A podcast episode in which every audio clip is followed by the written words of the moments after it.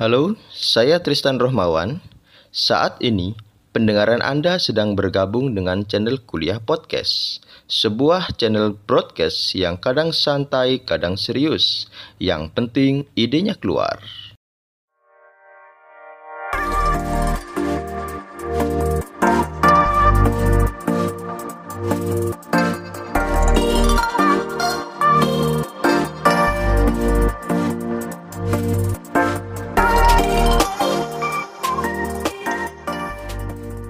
Halo, masih dengan saya Tristan Rohmawan di atas perbukitan Kecamatan Kota Anyar, Kabupaten Probolinggo. Kita sudah masuk pada materi yang keenam. Nah, kita, ini langsung saya lanjutkan ini ya. E, langsung aja untuk menghemat waktu kita langsung masuk ke PPT-nya. Tetap semangat. Oke, kita sudah masuk pada materi yang terakhir pada paket A tubuh penelitian dan yang terakhir ini adalah kesimpulan penelitian bahasa Indonesia. Nah, ini e, materinya sepertinya singkat aja ya, seperti yang pembahasan kemarin hanya e, diskusi dan saran saja gitu ya. E, bagian ini nanti sekaligus membahas e, kesimpulan dan saran. Gitu ya. Langsung aja slide berikutnya. Nah, kesimpulan. Kalau kemarin eh, sudah kita bahas ada apa namanya pembahasan yang internal dan eksternal atau deep discussion and extensive discussion gitu ya. Eh, sama sebenarnya di kesimpulan juga ada dua itu. Ada yang kesimpulan eksternal juga ada kesimpulan yang eksternal gitu ya. Jadi eh, intinya di dalam kesimpulan ini kita akan meresum kondisi problem dan ringkasan dari sebuah apa dari hasil-hasil analisis data. Jadi eh, ringkasannya. Jadi yang sudah dibahas kemarin itu diringkas lagi. Berarti intinya ada apa dengan data dan hasil analisis data kita Oke, itu yang pertama. Yang kedua, eh, kesimpulan dari eh, extensive discussion kita berarti eh, extensive conclusion gitu ya, kesimpulan ekstensif. Eh, dia meresum penjelasan-penjelasan teoritik dan konseptual, kemudian juga meresum dinamika perkembangan penelitiannya. Dari apa yang sudah Anda lakukan selama berpenelitian itu, Kemudian kemarin kan ketika diskusi ekstensif, Anda kan juga saya sarankan untuk membahas dan membandingkan dengan penelitian yang lain, gitu ya. Maka ada perkembangan apa dalam penelitian Anda? Gitu. Peningkatannya apa? Gitu ya. Apa perbedaannya? Ini dijelaskan eh, di dalam kesimpulan, itu ya. Kemudian setelah kesimpulan internal dan eksternal sesuai dengan pembahasan itu disampaikan, e, berikan kesimpulan teoritik. Nah, e, saya rasa ada ada beberapa anu ya, beberapa orang yang mungkin akan e, protes gitu ya. Kan tidak semua penelitian menghasilkan teori. Nah, ini ini ini. E, yang dimaksud dengan teori ini nggak harus sebuah apa ya? E, sebuah konsep matang atau sebuah e, definisi dari yang sudah diteliti secara mendalam enggak gitu ya.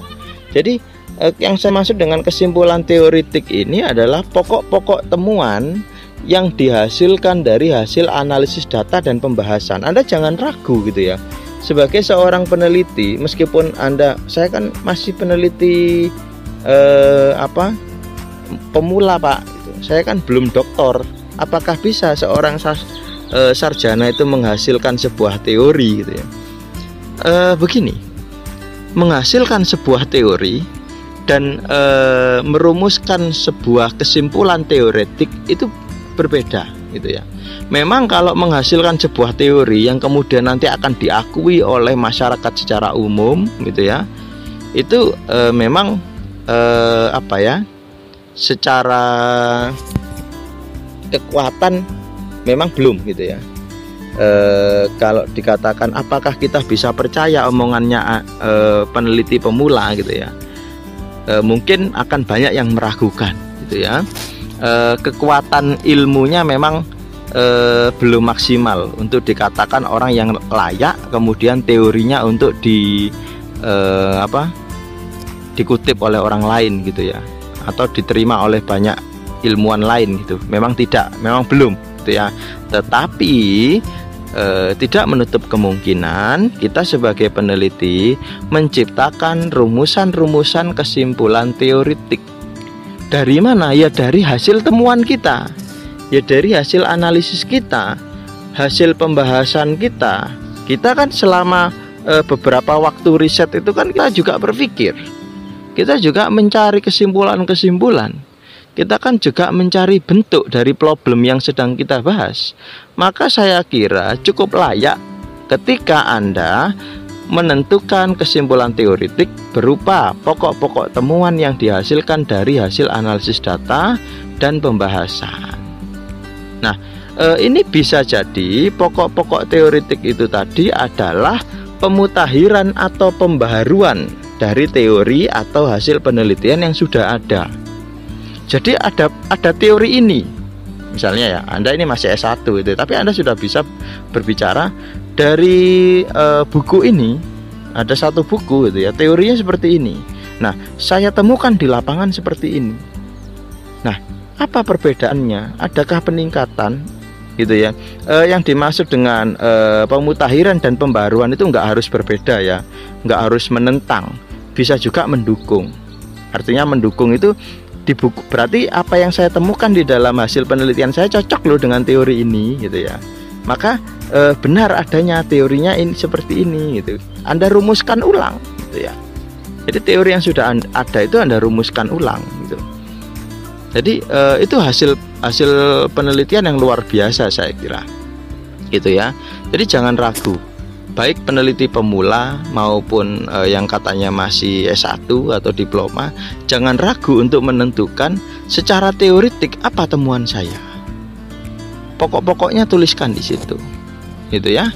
Itu yang eh, saya kira kalau kalau kalau menurut saya pribadi ya itu wajib harus diberikan. Karena eh, dari situlah nampak bahwa penelitian saya ini eh, ada hasilnya secara teoritik gitu ya ada banyak hal yang bisa diklarifikasi secara teoritik melalui temuan saya. Itu saya kira eh, layak ya setiap penelitian ada pokok-pokok kesimpulan teoritik. Berikutnya eh, kesimpulan terkait kegunaan gitu ya. Jadi setelah Anda meneliti selama itu gitu ya. Kegunaan penelitian saya berarti apa ini? Gitu ya. Maka bisa diberikan resum terhadap kegunaan temuan pada bidang ilmu dan praktik. Misal, Anda sudah meneliti novel, gitu ya, e, dengan e, pendekatan e, psikologi pengarang. E, yang Anda yang Anda cari adalah bagaimana seorang pengarang menciptakan sebuah karya, gitu ya, proses berpikirnya, ideologinya, macam-macamnya Anda jelaskan di dalam hasil penelitian itu. Nah, kemudian berarti kegunaan temuan bidang ilmunya apa? Nah, berarti kan eh, mengonfirmasi bahwa sebuah eh, karya itu tidak ujuk-ujuk ada, ada proses kreatif, ada proses berpikir. Nah, kan di teori ada, ya, di teori ada, dikonfirmasi di dalam hasil temuan Anda. Nah, itu yang saya maksud dengan kesimpulan kegunaan. Maka kegunaan dari penelitian ini adalah mengonfirmasi kebenaran dari teorinya siapa, gitu ya. Berikutnya juga misalnya kalau sudah Anda temukan eh, bahwa dalam sebuah novel itu ada proses kreatif dari penulisnya baik secara psikologis, secara ideologis, secara mental ya terus juga secara fisik, pengalaman-pengalaman dimasukkan di situ. Lalu dalam bidang praktik apa? Nah, praktik ini bisa Anda arahkan kepada kegiatan menulis karya. Gitu ya. Bahwa di dalam e, proses menulis karya, kita perlu melakukan tahapan-tahapan berpikir seperti halnya yang sudah saya temukan dalam penelitian ini. Nah, itu loh yang saya maksud dengan kesimpulan kegunaan. Gitu ya. Berikutnya, saran. Nah, eh, kadang-kadang ini disepelekan gitu ya oleh para peneliti gitu ya kan eh, bagian saran ya sudahlah pokoknya saran gitu ya. Sering-sering kita tanya kepada pembimbing Pak ini sarannya kepada siapa? Wis pokoknya saran sana wis pada siapa terserah kamu. Nah ini eh, cenderung kelihatan apa rasanya itu sepele gitu ya. Saran itu rasanya sepele. Padahal saran ini juga masih bagian yang penting. Gitu loh. Karena eh, sebagus apa pun hasil penelitian Anda sebagus apa pun kesimpulan Anda, kalau nggak ada gunanya bagi orang lain, ngapain dilakukan? Nah, ini statement terkait kegunaan itu bisa kita taruh di saran bahwa penelitian saya ini berguna baik secara khusus maupun secara umum. Wah, nah saya agak menggebu-gebu karena bagian saran ini kadang diremehkan. Gitu ya. Nah, saran itu ada saran khusus terkait siapa? Terkait e, sesuai fokus dan temuan penelitian. Nah, ini pada orang tertentu. Misal, Anda meneliti novelnya e, Raditya Dika bahwa di dalamnya ada unsur-unsur jokes yang berbau sara misalnya. Anda tidak suka? Dalam analisis Anda sampaikan itu bahwa eh, apa ya eh, jokes jokes di dalam eh, novel komedi itu banyak menimbulkan ketersinggungan sosial. Gitu ya. Ini saya jadi bahas ketersinggungan sosial ini ya.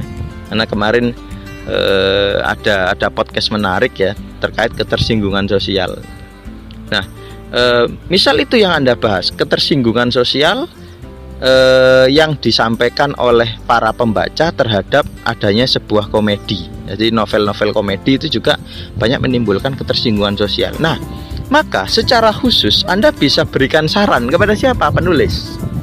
Siapa? Raditya Dika. Sesuai dengan fokus penelitian Anda. Misalnya lagi, anda meneliti di SD Kebonsari, Kota Pasuruan. Yang diteliti adalah eh, pengembangan kegiatan berliterasi. Maka sarannya kepada siapa? Ya kepada orang yang ada di SD Kebonsari. Guru-gurunya, kepala sekolahnya, siswanya, orang-orang yang khusus terkait langsung dengan hasil penelitian Anda. Itu ya, itu saran khusus. Saran umum masih sesuai dengan fokus dan temuan penelitian pada orang-orang secara umum. Siapa orang-orang secara umum? Ya masyarakat.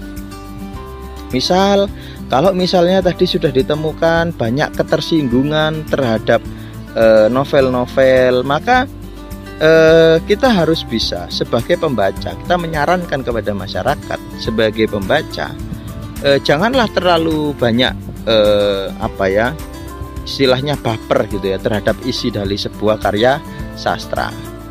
Jadi sebelum kita membaca kita saring dulu, kita lihat dulu sekilas isinya apa agar tidak menimbulkan perasaan tidak enak setelah eh, tahap prabaca itu. Setelah tahap selesai membaca kemudian perasaan tidak enak jengkel gitu emosi yang negatif gitu ya yang kadang dirasakan oleh para pembaca. Nah itu kita beri edukasi pada mereka. Maka sebelum kamu milih gitu ya eh, sebuah buku untuk dibaca secara mendalam untuk diresapi makna-maknanya maka dibaca sekilas dulu Eh, kira-kira menimbulkan ketersinggungan enggak? Kalau eh, tiba-tiba menimbulkan ketersinggungan, nah berarti novel ini novel toksik gitu ya, novel yang sangat mengganggu kalau anda memaksakan untuk membacanya, kecuali anda siap, gitu ya. Jadi jangan protes kalau misalnya di situ ada eh, problem sara yang diangkat. Marah gitu ya setelah membaca kemudian marah, ya, salah sendiri baca buku itu. Buku lain kan banyak, gitu ya. Berikutnya eh, saran kepada peneliti lain baik diri Anda sendiri sebagai peneliti yang nantinya mungkin akan melanjutkan penelitian itu atau peneliti lain atau rekan-rekan sejawat Anda gitu ya. Saran kepada peneliti terdahulu bisa juga. Apa sarannya? Apa yang perlu dikerjakan oleh peneliti terdahulu untuk memperbaiki hasil risetnya? Apa yang harus dilakukan oleh peneliti selanjutnya untuk menghindari problem riset? Anda kan sudah meneliti, ada problem yang dihadapi dalam riset Anda ini sampaikan nanti kalau Anda meneliti jangan lakukan ini ya Itu kenapa? Karena kalau melakukan ini nanti ada problemnya di sini. Nah, ini pengalaman meneliti disampaikan kepada peneliti lain. Itu. Berikutnya, saran kepada praktisi, kepada pengguna, kepada orang-orang yang mungkin akan e, memakai hasil penelitian Anda. Bisa dosen, guru, gitu ya. Misalnya e, Anda sudah mengembangkan buku ajar. Praktisinya adalah guru dan siswa. Maka sarannya untuk guru ketika mau menggunakan buku ini yang sudah Anda kembangkan tadi maka ada tahap yang harus dilakukan, ada persiapannya. Nah, itu disampaikan kepada praktisi atau buku ini bagus loh untuk kamu, bagus loh untuk pelajaran Anda. Maka gunakanlah yang seperti ini. Anda bisa mengembangkan sendiri caranya begini. Itu sampaikan dalam saran kepada praktisi. Yang terakhir saran kepada akademisi. Bedanya praktisi dan akademisi, kalau praktisi ya praktek. Kalau akademisi itu lebih e, mempelajari, mendalami ilmu-ilmu yang ada di dalam penelitian itu. Maka eh, Anda sampaikan kepada para akademisi teori yang sudah saya temukan seperti ini, pengembangannya dari teori sebelumnya ini. Maka sarannya perlu ada diskusi lebih mendalam terhadap teori ini agar eh, apa ya definisinya lebih mendalam gitu ya agar bisa secara komprehensif e, meneliti pada objek tertentu jadi ada diskusi antar akademisi.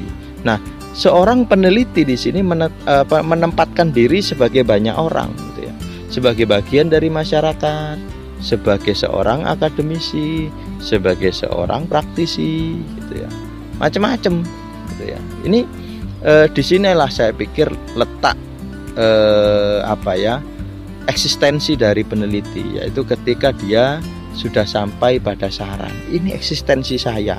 Saya berguna bagi kamu terkait hal ini. Maka lakukan seperti eh, yang saya lakukan. Lakukan seperti yang saya sarankan. Jangan lakukan ini, jangan lakukan itu. Karena saya sudah mencoba dan hasilnya seperti ini. Nah, ini eksistensi dari seorang peneliti ditunjukkan di saran. Gitu ya. Jadi perihal saran ini bukan hal yang sepele singkat ya langsung pada tugas di pelajaran yang ke-6 maaf itu salah ketik terusnya 6 gitu ya. Eh bacalah 10 artikel tetap ya seperti kemarin 10 artikel 9 banding 3 buat kesimpulan dan saran dari gabungan 10 penelitian. Jadi 10 penelitian kan sudah Anda baca. Saya kira kalau 10 penelitian itu serumpun berarti penelit apa kesimpulannya tidak jauh beda. Maka buatkan rangkuman kesimpulan dan rangkuman saran dari ke 10 penelitian itu. Sebenarnya ini untuk latihan saja bagaimana cara menyusun kesimpulan dan saran. Tentunya apa yang sudah saya sampaikan tentang kesimpulan dan saran tadi tolong dipakai. Jadi apa yang sudah ditulis oleh peneliti di ke-10 penelitian itu di dalam kesimpulan dan saran tolong ditata lagi gitu ya sehingga menjadi kesimpulan dan saran yang lebih bagus yang lebih menarik sesuai dengan saran-saran yang sudah saya sampaikan di materi yang barusan itu itu ya eh, terima kasih sudah sampai pada pelajaran yang keenam tetap semangat Lakukan setiap tugas dengan baik. Oke. Okay. Alhamdulillah, kita sudah bisa menyelesaikan paket yang pertama terkait tubuh penelitian. Tadi sudah saya jelaskan yang pelajaran ke-6 sampai pada kesimpulan dan saran. Itu ya. E, tetap semangat belajarnya. Silakan nanti ditunggu ya paket yang berikutnya yakni inisiasi penelitian bahasa dan sastra Indonesia. Masih ada satu paket lagi gitu ya. Isinya empat pelajaran gitu ya. Dihemat tenaganya ya. Dikerjakan aja semampunya tugas-tugas itu gitu ya. tetap semangat. Jangan ragu anda pasti bisa. Oke? Terima kasih. Assalamualaikum warahmatullahi wabarakatuh. Tetap semangat